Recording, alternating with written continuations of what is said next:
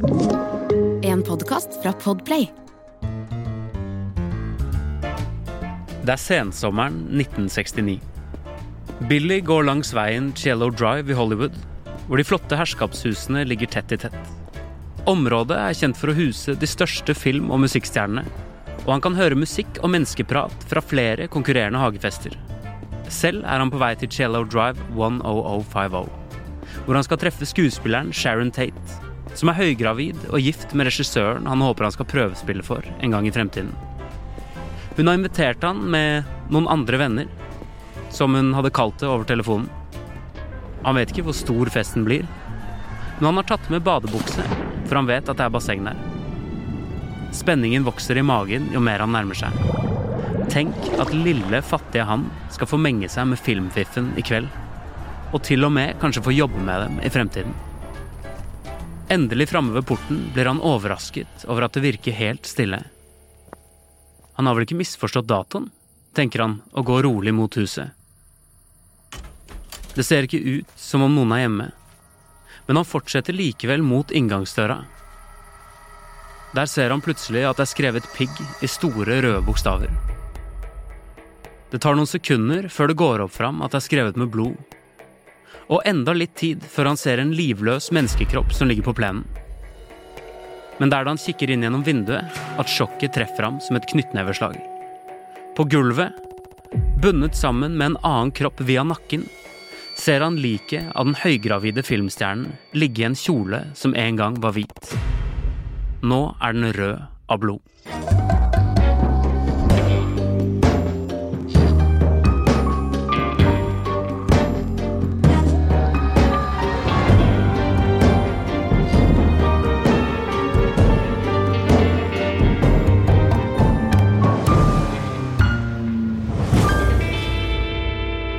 Velkommen til dagens episode av På innsiden av Psykohoder med meg, Jonas Hoff Oftebro, og deg, Susanne Nordby Johansen. Hei, Jonas. Hei, velkommen. Takk. Du er jo nevropsykolog Ja, og fortsatt. spesialist i voksenpsykologi, og du jobber som rettspsykolog. Ja, jeg gjør fortsatt det. Ja. Har ikke skjedd noe forandring siden vi var sammen sist. Nei, du har vært fire timer i fengsel i dag, Ja, det har jeg. men du er, Jeg kom ut igjen. men du er klar for å prate litt mer? Jeg er klar for å prate om eh, flere av de gærningene og psykohodene som vi, eh, vi elsker å gå inn i. Absolutt. Ja, perfekt. I dag skal vi jo prate om Charles Manson. Ikke den typiske seriemorderen. Langt ifra. Så Nei. det her, det kan bli en annerledes episode. Ganske spesiell fordi han er en av de første vi prater om som ikke har drept noen selv. Men han er jo også kanskje en av de aller mest kjente vi skal prate om. Ja, i hvert fall eh, sånn eh, på 70- og 80-tallet så var han jo veldig kjent. Jeg syns han er eh, interessant fordi han ikke har drept, men hva han klarer å få andre mennesker til å gjøre for seg. Og Ja. det skal vi høre litt mer om underveis, hva han klarer å få andre til å gjøre. Men hva er det med denne mannen, da, som gjør at han eh, klarer å manipulere mennesker på den måten han gjør? Det syns jeg er et dypdykk som er verdt å ta. Jeg er enig. Jeg gleder meg veldig til å finne ut av hva som får eh, en sektleder til å tikke. Jeg òg. Vi kommer sikkert dit. Vi gjør det. Men aller først litt mer info om Charles Manson. Da Charles Manson ble født i 1934, var mammaen hans 15 år, og faren hadde forduftet for lengst.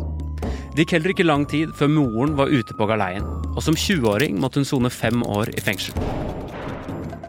Lille Charles bodde disse årene hos en tante og en onkel. Han kom tidlig i trøbbel. Blant annet skal han ha tent på skolen sin da han gikk i fjerde klasse. Et par år senere ble han sendt på skolehjem, som var en blanding av anstalt og skole. Men han rømte til stadighet, og allerede som 14-åring var han godt i gang med sin kriminelle løpebane, bestående av tyverier og væpnede ran. I løpet av de neste årene var han inn og ut av diverse ungdomsanstalter, som etter hvert gled over i ulike fengsler, og da han ble prøveløslatt i 1967 som 32-åring, hadde han sittet halvparten av livet i fengsel. På frifot satte han kursen til California, hvor han prøvde seg som rockestjerne og hallik. Han eksperimenterte mye med psykedeliske rusmidler, og fikk etter hvert en tilhengerskare som han kalte The Family. I 1968 slo gjengen seg ned på en gård som var et gammelt western filmsett.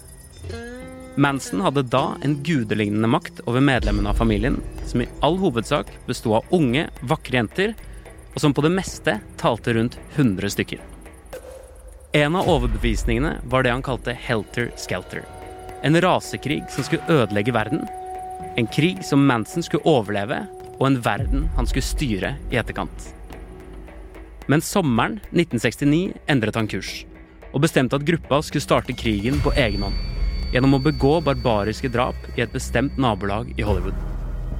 Tidlig i august 1969 drepte familien fem mennesker på disse adressene. Blant ofrene var den høygravide filmstjernen Sharon Tate. I rettssaken kom det fram at Manson selv ikke hadde utført noen av de grufulle drapene, men han ble like fullt dømt til livsvarig fengsel for å ha beordret de andre til å utføre mordene. Charles Manson døde i 2017 av naturlige årsaker. Han ble 83 år.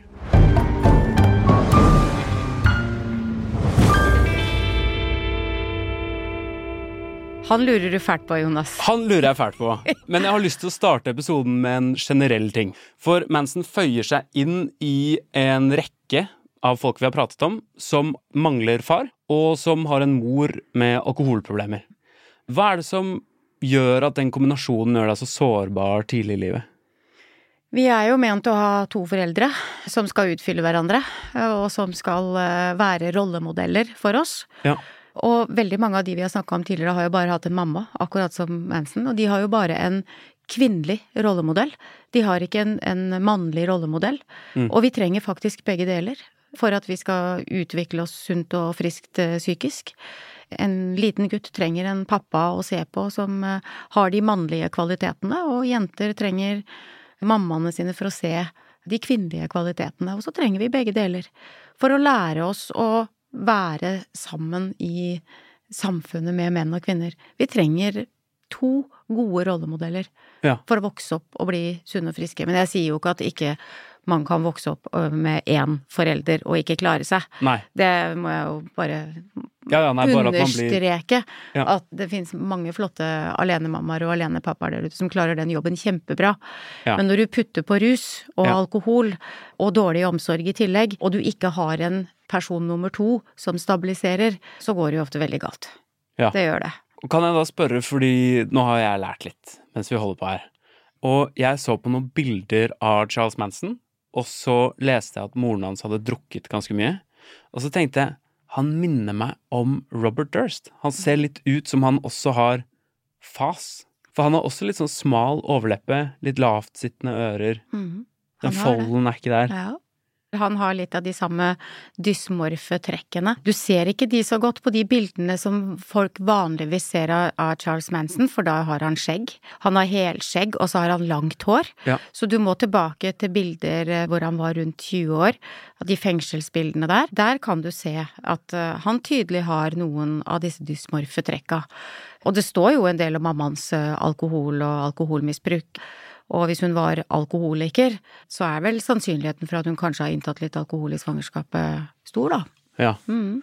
Hun er jo også kriminell. Altså Veldig tidlig i Manson sitt liv så havner hun i fengsel. Veldig fin rollemodell. Den eneste rollemodellen han hadde. Ja. Ikke veldig bra. Nei. Nei. Men da lurer jeg på, fordi Manson vokser jo ikke opp og blir en seksualforbryter, som mange av de andre vi har sett på. Han vil istedenfor bli liksom elsket. Han har lyst til å være rockestjerne. Mm. Han vil bli forgudet. Han har ikke blitt elsket, vet du. Nei. Men han har heller ikke, i hvert fall ikke sånn som jeg har funnet informasjon om, så har han ikke blitt utsatt for grov omsorgssvikt i form, form av vold. Nei. Og han har ikke blitt utsatt for seksuelle overgrep. Jeg tenker at eh, hvis vi ser tilbake på de vi har snakka om, så kan det være en av de tingene som skiller dette her. Ja. Eh, For i barndommen hans så står det jo egentlig bare at han Mammaen hans var litt udugelig, og så var han litt her og litt der og litt fram og tilbake, så han har jo mange dårlige erfaringer med voksne mennesker å knytte seg til. Ja. Men det står ikke noe om at han har vært utsatt for vold, overgrep, at han har eh, blitt utsatt for eh, seksuelle overgrep av nære relasjoner, eksempel. Og det som gjør at han da vokser opp med et ekstremt behov for å bli sett og bli verdsatt, som kanskje da er starten på den utviklinga som vi ser eh, som begynner på 70-tallet, at det kommer egentlig fra den barndommen. Han har jo stort sett bort livet sitt på institusjon, Ja. og det var jo mest sannsynlig fordi mammaen ikke klarte å ta vare på han, at han gikk for lut og kaldt vann. Ja. Og på de eh, institusjonene på, på 60-tallet så var det ikke akkurat så veldig mye omsorg ute og gikk, da. Nei. Men så var det vel også det at han ble veldig tidlig kriminell. Altså han prøver å tenne på skolen sin når han er Ni år. år? Ja, så han har jo noen av disse tinga i eh, bakgrunnen sin som vi har snakket om før, som liksom er noen av kjennetegna på utvikling av den dyssosiale eller antisosiale personlighetsforstyrrelsen, da. Kan du friske opp det Skal litt vi for meg? friske opp det? Ja. Ja. Det er jo den personen som har totalt manglende empati, for eksempel, altså ikke noe medfølelse for andre mennesker. Ja. De er ofte grandiose eller høye på seg sjøl og har også de, disse narsissistiske trekka som vi snakker om før. De kan manipulere det veldig bra. De er ofte sjarmerende og hyggelige. Ja. Men så har de da den grusomme siden eh, hvor de da kontrollerer og, og holder deg på en måte litt fast i, i grepet sitt, da. Med å være kanskje sjarmerende og hyggelig og innyndende. Men det dyssosiale er jo at de ikke forholder seg til normer og regler sånn som vi andre mennesker gjør. Ja. Altså det er jo et, det er jo et kriterium for å sette den eh, diagnosen, på en måte, da, er jo at du, du gir blanke i lover og regler. ja, det gjør han jo absolutt. Mm.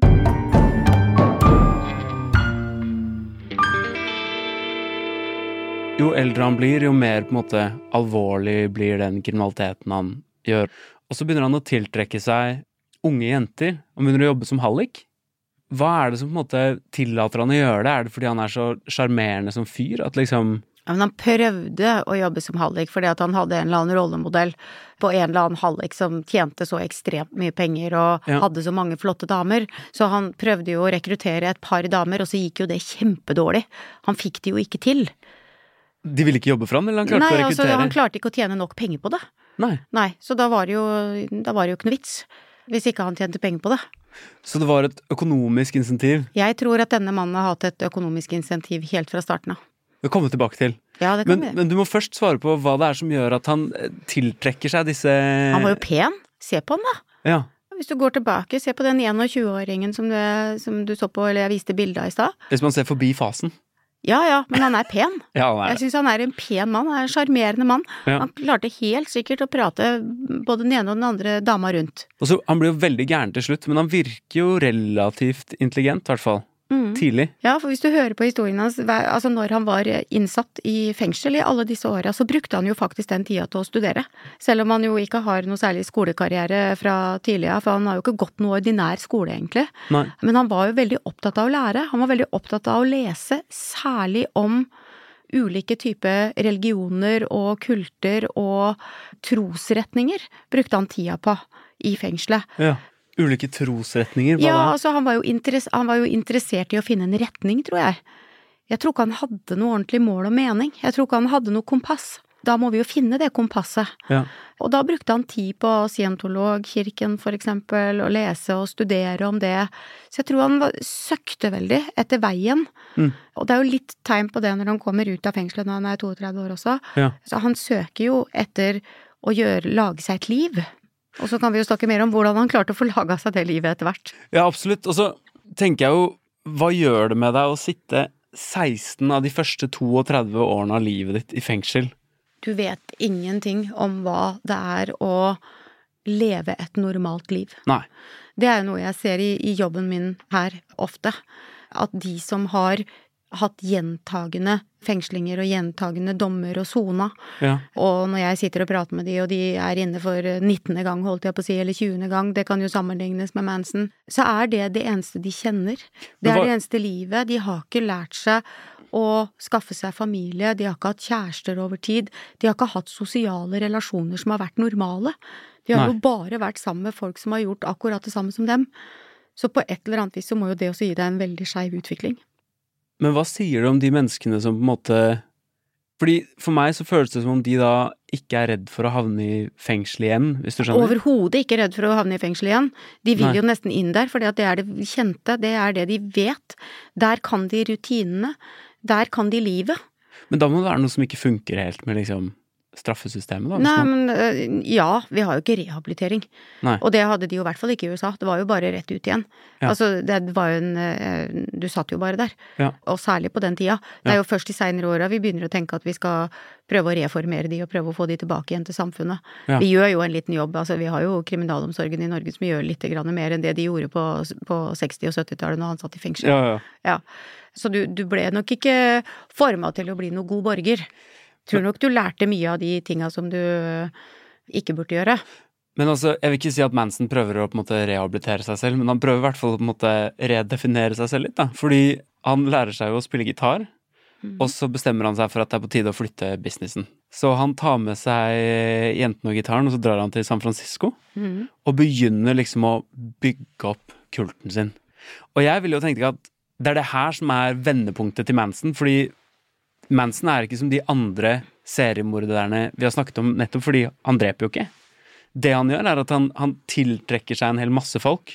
Og det er først når han kommer til San Francisco at det liksom begynner å fungere. Og da kom han jo rett inn i Flower Power og, og tilhengerskaret og muligheten til å få trukket til seg veldig mange mennesker som også var på søken etter en mål og mening. Ikke sant, Flower Power-tida i USA var jo en måte å, å prøve å finne et annet, en annen måte å leve livet på enn det de hadde gjort til da i USA. Så det hadde ekstremt stor påvirkning på store menneskemengder. Og hvis du da var litt karismatisk, og hvis du da var en lederskikkelse, så trengte de jo en lederskikkelse. De Ja. trengte en som sa hva de skulle gjøre. Det trenger vi jo veldig mange av oss. Vi trenger jo en eller annen vi kan se opp til. En vi kan sammenligne oss med, en vi kan forgude lite grann. Vi ønsker oss vel det alle sammen, gjør vi ikke det? Gjør ikke du det, Jonas? En liten Mansell, liksom. Noen som kan holde meg i hånda og Ja, ja, ja. Lede deg inn i drap, kanskje? Ja, det er det. Det er der det stopper for meg, da. Men eh, jeg følger deg fram til det. Ja. Nei, men så Han tiltrekker seg så mange. Han tiltrekker seg liksom nesten på det meste 100 folk. Jeg tror vi må se det i tida. Se han i 60-70-tallet i USA. Ja. Jeg er ikke så sikker på om eh, du hadde vært like heldig hvis du hadde prøvd å gjøre det samme nå, med så mye informasjon som vi har i, via sosiale medier. Du vet, de hadde ingenting. Nei. Og de hadde kun han som satt eh, på den grønne gressbakken med de løse, lette klærne og, og sang eh, protestsanger. Ja. Ikke sant? Og prøvde å vise seg fram, og prøvde å få noen rundt seg. Mm. Det var målet. Og jo flere du tiltrekker deg, si det sitter syv, åtte, ni, ti rundt deg, så ser noen å, hvem er det? La oss sette oss ned og høre. Så det er mye lettere å tiltrekke seg det. For det er jo ingen som vet noe om det. De, de har jo ikke lest noe om ham på sosiale medier og sier at nei, han der kan vi ikke stole på. Så du har ikke den formen for informasjon, da. Det er bra, for det har jeg lyst til å prate med deg om. Fordi han ender jo ikke opp med å bli den rockestjernen han har lyst til å bli. Han blir en slags sånn Jesus-skikkelse slash kultleder for disse menneskene. Han kalte seg 'Jeg er Jesus og Satan', sa han. Ja, ikke sant? På et eller annet tidspunkt. Ja. Det er Han spennende. hadde to sider. Ja. Ja. Men så, så syns jeg det er så rar den ideen han kommer med, som han kaller for Helter Skelter. Som jo for det første er et Beatles-album, men som for han er en teori om at afroamerikanere kommer til å ta over USA. Det kommer til å være en rasekrig hvor de kommer til å vinne. Men fordi de aldri har drevet et land før, så kommer de til å være avhengige av at noen kan hjelpe dem å drive det landet. Det skal han Og gjøre. det skal han gjøre. Mm. Og jeg tenker at hvis det hadde vært i dag, så hadde man, han hadde blitt avslørt og på en måte ledd av. Men han, han blir jo ikke det. Og så lurer jeg på hva er det som gjør at han klarer å etablere sånne kollektive vrangforestillinger. Men det starta jo ikke med det. Han hadde jo disse tilhengerne før han lanserte Helter Skelter. Ja, ja, ja, nei, Ja. den kommer liksom etter hvert. Så den kom jo etter hvert. Ja, Og da hadde han jo langt på vei klart å forme disse tilhengerne sine til å følge etter han og være en del av hans samfunn. Han brukte blant annet sex som et eh, manipulasjonsmiddel eller et eh, kontrollmiddel. Han hadde jo ikke bare sex med én av disse damene. Han satte de jo opp imot hverandre lite grann, Ja. og lot en del av de gå på is mens han holdt på med de andre. Sånn at det å bygge opp denne sekten og klare å kontrollere, tror jeg var en del av det, før han da introduserte noe for dem som var det de skulle følge etter.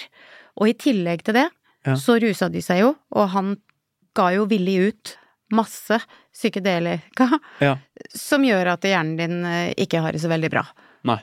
Men jeg syns kollektive vrangforestillinger er veldig spennende.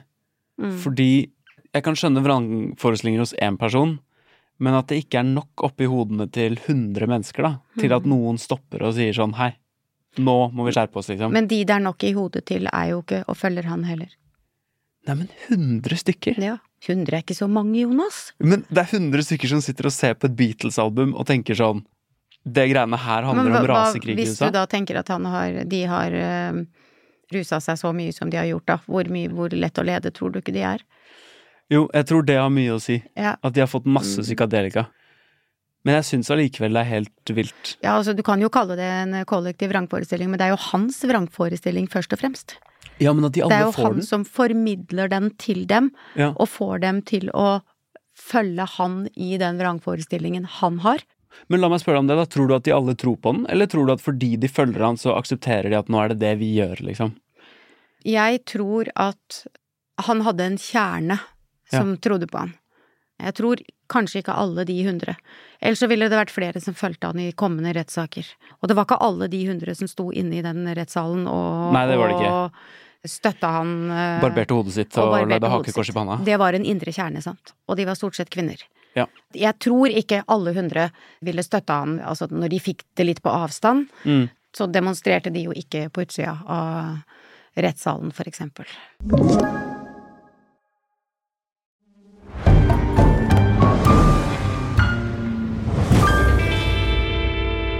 Nå går jeg jo litt off eh, book her, men det er jo det Mm. samme med I år 2000 så var det også en sekt nede i Sør-Amerika et eller annet sted som tok kollektivt selvmord, Mm. for de trodde verden skulle gå under. Mm. Det også er jo en sånn masse vrangforestilling, Mm. ikke sant? Det er jo en suggesjon, Ja. mer enn mer enn en vrangforestilling. Altså, det er jo at du da får folk til å tro på at dette er sannhet. Og det er jo indoktrinering. Og vi har jo noen eh, eksempler på ganske betydelig indoktrinering opp igjennom historien. Ja. Hvis du lever i et samfunn, Jonas, hvor Ja. du ikke får noe særlig annen stimuli inn, så er det lett å bli formet. Ja, ja, ja. Ja. Og det er jo den kultlederens kanskje hovedegenskap, er jo at de rammer deg inn, og det gjorde han jo på den der ranchen langt ute i Gokk, jeg på si. Der var det jo ikke noe input fra resten av verden. Nei. De bodde jo der. Ja. Og det ser du jo på en del av disse andre, sånn som de religiøse The Lather Day Saints, for eksempel, som Mm. har bygd opp byer. De har jo murer rundt byene sine, og ingen kommer ut og inn. Ja. Og all informasjon som kommer inn, blir jo kontrollert. Det er jo en menneskekontroll, og det er det han prøvde på der ute når han flytta inn i den der byen, da. Ja. Det var jo ikke noe input fra, fra verden rundt. Og da får jo han alt det spillerommet han trenger for å få deg med på laget. Nei, og så er det vel også at jo flere du tiltrekker deg, jo enklere blir det å få den Ja, men da tror jeg, jøss, de tror jo på det, så da må det jo være viktig. Da, tror, Ja. da kan jo jeg også tro på det. Det er, jo, det er jo kjernen i en massesuggesjon. Ja, og så er han jo på en eller annen måte også en rockestjerne. Litt. De tror i hvert fall at han skal bli det. Mhm. Han gjør jo en audition, han prøvespiller noen låter for produsenten til Beach Boys. Og Beach Boys ender jo faktisk opp med, etter rettssaken mot han, å gi ut en sang som han har skrevet. Det er kanskje Lucky him i fengsel, altså. Ja. Så fikk han dette her til. Men så tenker jeg på når denne sekten i 1968 begynner å drepe folk, Mm. så mener jo Manson at det gjør han for å framskynde denne rasekrigen. Han Mm. mener at den rasekrigen, helter skelter, det er uunngåelig. Så hvis sekten hans begynner å drepe høyt profilerte kjendiser, så kommer krigen fortere i gang. Da kan de fortere gå to hiding, og så komme tilbake og på en måte hjelpe dem i den nye verdensorden. Men En ganske bisarr vrangforestilling enormt som, bisarr. som ville kvalifisere som psykose. Men tenker du da at det er en langvarig psykose? Han virker jo ikke akkurat på plass. Og hvis du tenker på hva LSD gjør med hjernen din, så er jo det stort sett at du er i en psykotisk tilstand. Så hvis han har inntatt eh, LSD hver eneste dag, for eksempel, så, så er, jo dette her en psykose som varer over tid, Mm. og som mest sannsynlig gjorde at han utvikla en permanent psykotisk tilstand. Ja. Det har jo vært gjort noe sånn rettspsykiatri knytta til Manson. Eh, mange teorier på hva han egentlig led av, og det, det var jo noen som mente at han var schizofren. Som følge av for mye narkotika? Mhm. Jeg har et spørsmål som på en måte henger sammen med det, og på en måte ikke. Fordi når de da skal begynne å drepe folk, så sender han dem jo til huset til Roman Polanski, hvor Sharon Tate også bor, men hvor også denne produsenten til Beach Boys bor på det tidspunktet. Og det er der det begynner å bli litt sånn intrikat for meg, fordi ok, jeg ser for meg at det er to veier. Den ene veien er at han sender dem til det huset fordi Sharon Tate er veldig kjent, Roman Polanski er veldig kjent, og han vet om det av denne Beach Boys-produsenten. Mhm. Men det andre, og tror jeg også ganske sannsynlige scenarioet, er at han er litt snurt fordi han ikke er blitt signert. For han blir jo ikke det. Han Beach Boys-produsenten vil jo ikke ha med han å gjøre. Han gir ham 50 dollar og drar igjen. Og så kan du koble de to, og så får du en psykotisk forestilling. Det Ja. er hvor du da har en vrangforestilling, for eksempel dette med at er helter skelter. Ja. Og så putter han inn dette her eh, egentlig, at han er blitt forsmådd av denne produsenten. Ja. Putter inn litt sånn hevn, og så blir det en virkelighet at nå, nå skal jeg starte dette her, og, og måten jeg skal starte det på, er å hevne meg. Da starter det. Ja, for du blander på en måte impulser inni huet, og så veit du ikke hva som er sant og ikke sant. Ikke og, sant, og ikke sant. Og det, det er jo egentlig kjernen i den psykotiske fungeringa, det er jo at du kan blande inn det som er virkelighetsnært og det som er sant, inn i din forestilling. Litt sånn Son of Sam på en eller annen måte. Som begynner å skylde på at de hundene Den, den bikkja Ja. til naboen. Ja, på en måte enda sjukere ennå, men, Ja. men det er jo litt det samme tendensen. Absolutt. Det skjer jo i den psykotiske verden. Ja. For de blander jo inn de tinga som, eh, som er en del av virkeligheten. Det er også et, et annet begrep når du konstruerer opp din egen virkelighet, på en måte. Mm. Og det er det du ofte gjør da, og da, da henter du biter og deler og setter sammen til en helhet. Så jeg tror ikke det nødvendigvis er det ene eller det andre, jeg tror det er en kombinasjon. Og, og det er klart at han, han nok også har et, et hevnemotiv der. Så kombinert med litt sinne og manglende impulskontroll og, og god evne til manipulering, så fikk han noen til å gjøre det her for seg, da. Ja. Og så er han jo, kall det dritsmart. Ja, for her kommer det andre spørsmålet mitt inn. Du sier han er dritsmart, Ja, men eh, han dreper jo ingen selv. Nei, nettopp. Han får andre til å drepe for seg. Nettopp. Er ikke det smart? Det er smart, Ja. Han er ikke klok, men han er smart. men er det også litt, er det også litt feigt, eller? Nei. Nei. Det er ikke feigt i det hele tatt. Nei. Det er bare kalkulerende. Kaldt kalkulerende. Men han er ikke en person som har behov for å drepe andre selv. Nei, tydeligvis ikke. Hva tror du er viktigst for han? Tror du det er kontrollen over Kontroll. de som dreper? Mm. Ja. Kontroll og makt. Han skal være sjefen. Dere skal gjøre som jeg vil. Ja. Kom her, alle mine disipler, og gjør akkurat som jeg vil. Vil jeg at du skal drepe, så dreper du. Vil jeg at du tar LSD, så tar du LSD. Så det er sjukt at han får det til. Det er vel derfor det blir så veldig mye snakk om det også, uh, altså sånn mediamessig. Ja. At dette her er en mann som står bak som faktisk ikke har egentlig blod på henda. Nei. Men så klarte de jo å dømme han for alt sammen. Medvirkning til drap. Og han fikk jo livstidsdom, men det fikk jo for så vidt de som hadde utført drapene også. Ja. Men eh, det er jo noe med at når du er hovedmannen bak noe, så er det du som har dratt i alle trådene, selv om ikke du har utført handlinga, men du har jo sørget for at det skjedde. Det er jo noen som mener at eh, de gjennomførte 32 drap, Mm. men det har de aldri kunnet bevise. Nei. Og når de først blir tatt, så er det jo helt tilfeldig. Altså, hun ene som har vært med på drapene hos Sharon Tate og Roman Polanski, hun blir jo avhørt i forbindelse med et annet mord, Mm. og ender opp med å fortelle liksom hele historien. Og så ruller de opp hele saken. Og der ser du jo egentlig den svakheten hos de menneskene, som da er kontrollert av han. Disse tilhengerne hans, da. Ja. De virka på en måte stolte av det de hadde gjort. Jeg er veldig enig. Det fins noe video på YouTube og sånn hvor de sitter i avhør eller i rettssalen. Mm. Og der er det de sitter og lager grimaser til Manson og Mm. De svarer på helt grufulle ting på helt sånn avslappede og rolige måter. Ja. Men han er litt en perfect storm på en eller annen måte. Mm. Fordi han eh, Han har dette enorme behovet for kjærlighet og oppmerksomhet fra mm. liksom, når han er liten. Mm. Og så har han de vrangforestillingene som gjør at han liksom finner på helt sinnssyke ting som gir han tilgang på det. Mm. Og så eh, ender det med at han i sin eh, grandiositet og narsissistiske forestillingsverden tenker at det, dette kan jeg gjøre. Men altså, hvis, hvis vi skal tenke, da, Ja. eh, hypotetisk sett, hvis de har gjort alt det som de mener at de har gjort, alle disse drapene som de har utført, eller som de da angivelig har utført, så må vi kanskje revurdere det vi snakker om litt nå. Ja. Hvordan da? Da må det jo være det å drepe som er målsettinga. Da blir han jo praktisk talt en seriemorder, men Ja. han får noen til å gjøre det for seg. Men, Men, det, hvorfor det? Det syns jeg er rart.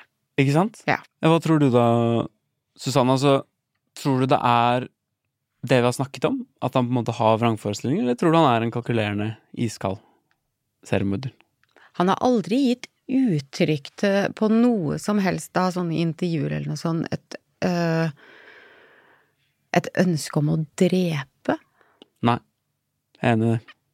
Samtidig så er det jo Hvis du tar med de som øh, de har mistenkt at de har drept, da, så var det elleve stykker. Og så var det den familien, det er 13. Og så er det alle de som var med, sammen med Sharon Tate. Var ikke de seks eller noe sånt nå? Seks eller syv? Så her, oppe, her snakker vi 20 stykker. Ja, og så mener de også at det kan være ganske mange flere. Ja. Og jeg tenker at hvis det stemmer, Mm. så har du et ønske om å drepe folk. Ja. Og veien til storhet for deg er å få noen til å drepe de for deg. Ja. Og kanskje vi skal snu det til at Altså, nå har vi jo snakka masse om disse seriemorderne som, som dreper selv og får en eller annen form for seksuell utløsning ved å drepe. eh, At det gir en eller annen form for sånn eh, arousal, som vi kaller det. Mm. Kanskje dette var Charles Manson sin måte å bli stimulert på? Å sitte hjemme, eller altså hjemme, kall det det, da, og vite at nå er det noen der ute og dreper for meg. Ja. At det, er, det var det som tikka han av. Det må liksom Mhm. gå og kjenne seg som Gud, at Ja. man har den der eh, Ja. kontrollen over liv og død i hånda. Ja. Og da blir du en seriemorder, og da må du gjøre mer og mer. Selv om han ikke utøver handlinga sjøl, så er det de samme følelsene. Og kanskje han ikke begynte med Sharon Tate, og kanskje han egentlig hadde gjort det mye før? At de hadde Ja. øvd litt Ja, på forhånd? ja. Ja. Det året i forveien, det føler jeg det kan være gode muligheter for. Ja, Nettopp. Ok, for å um, oppsummere Charles Manson litt. Grann. Uh, jeg tror vi har å gjøre med en veldig skada person. Ja. Uh, som eh, har hatt en oppvekst som har uh, Som ligner på en del av de andre som vi har snakka om hele veien. Sånn oppsummeringsmessig så vil jeg vel kanskje si det, at han er ikke så ulik. Selv om han på en måte ikke har drept Ja. sjøl, så har han veldig mange av de samme kvalitetene, og vi ender på en måte opp med paranoid vrangforestillinger, vi ender opp med å snakke om psykose. Kanskje på han mye mer enn det vi har snakka om de andre, eh, fordi at han jo også har rusa seg med, eh, med LSD, som er fryktelig psykoseframkallende. Ja. Men han ble jo også vurdert til å være ganske sjuk, selv om de da satte han i vanlig fengsel. Eh, Så psykisk syk, Ja. og veldig sjarmerende. Ja. Ja. Det ligger noen veldig kule intervjuer på YouTube som vi har sett, som jeg anbefaler alle som har hørt episoden å også se. da. Det er ganske interessant å se. Han er utrolig sjarmerende og klin gæren på én gang.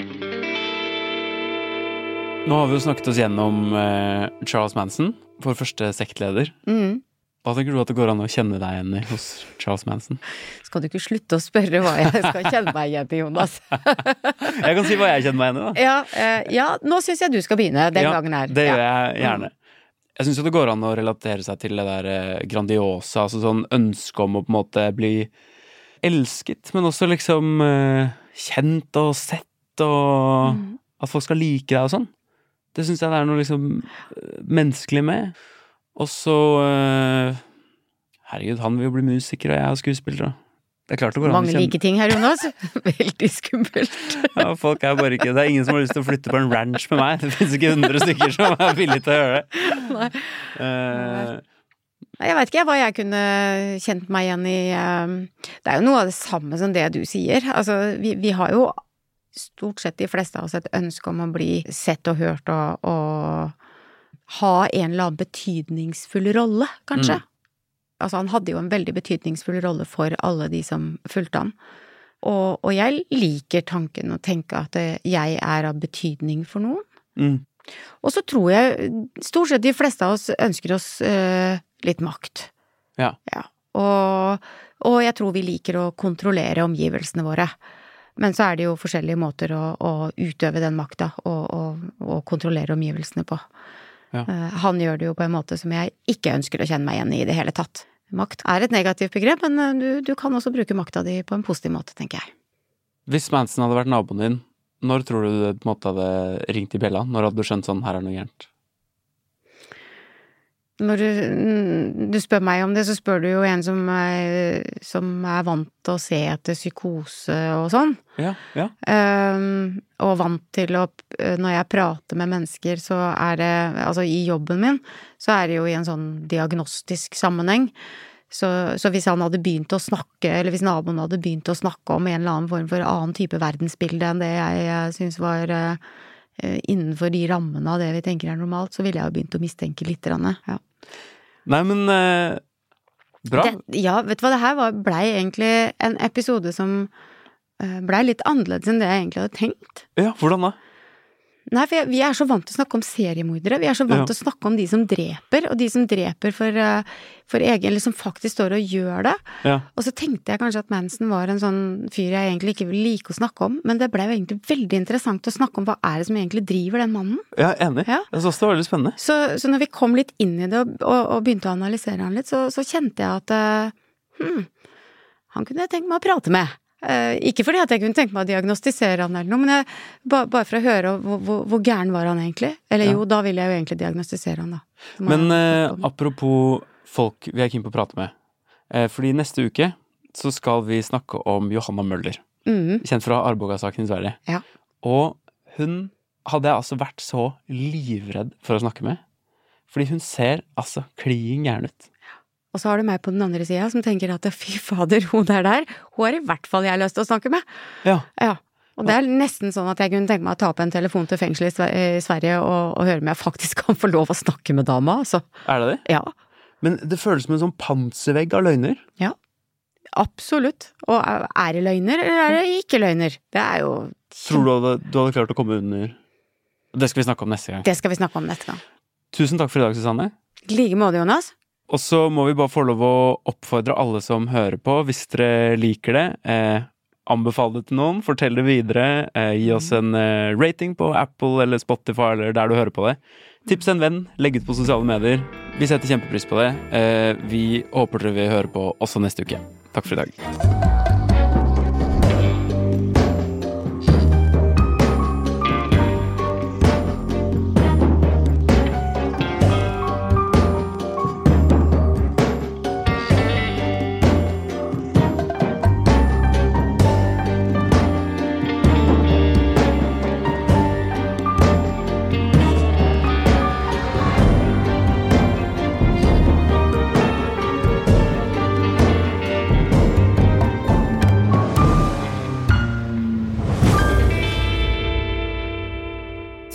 Podkast fra Podplay. En enklere måte å høre podkast på. Last ned appen Podplay, eller se podplay.no.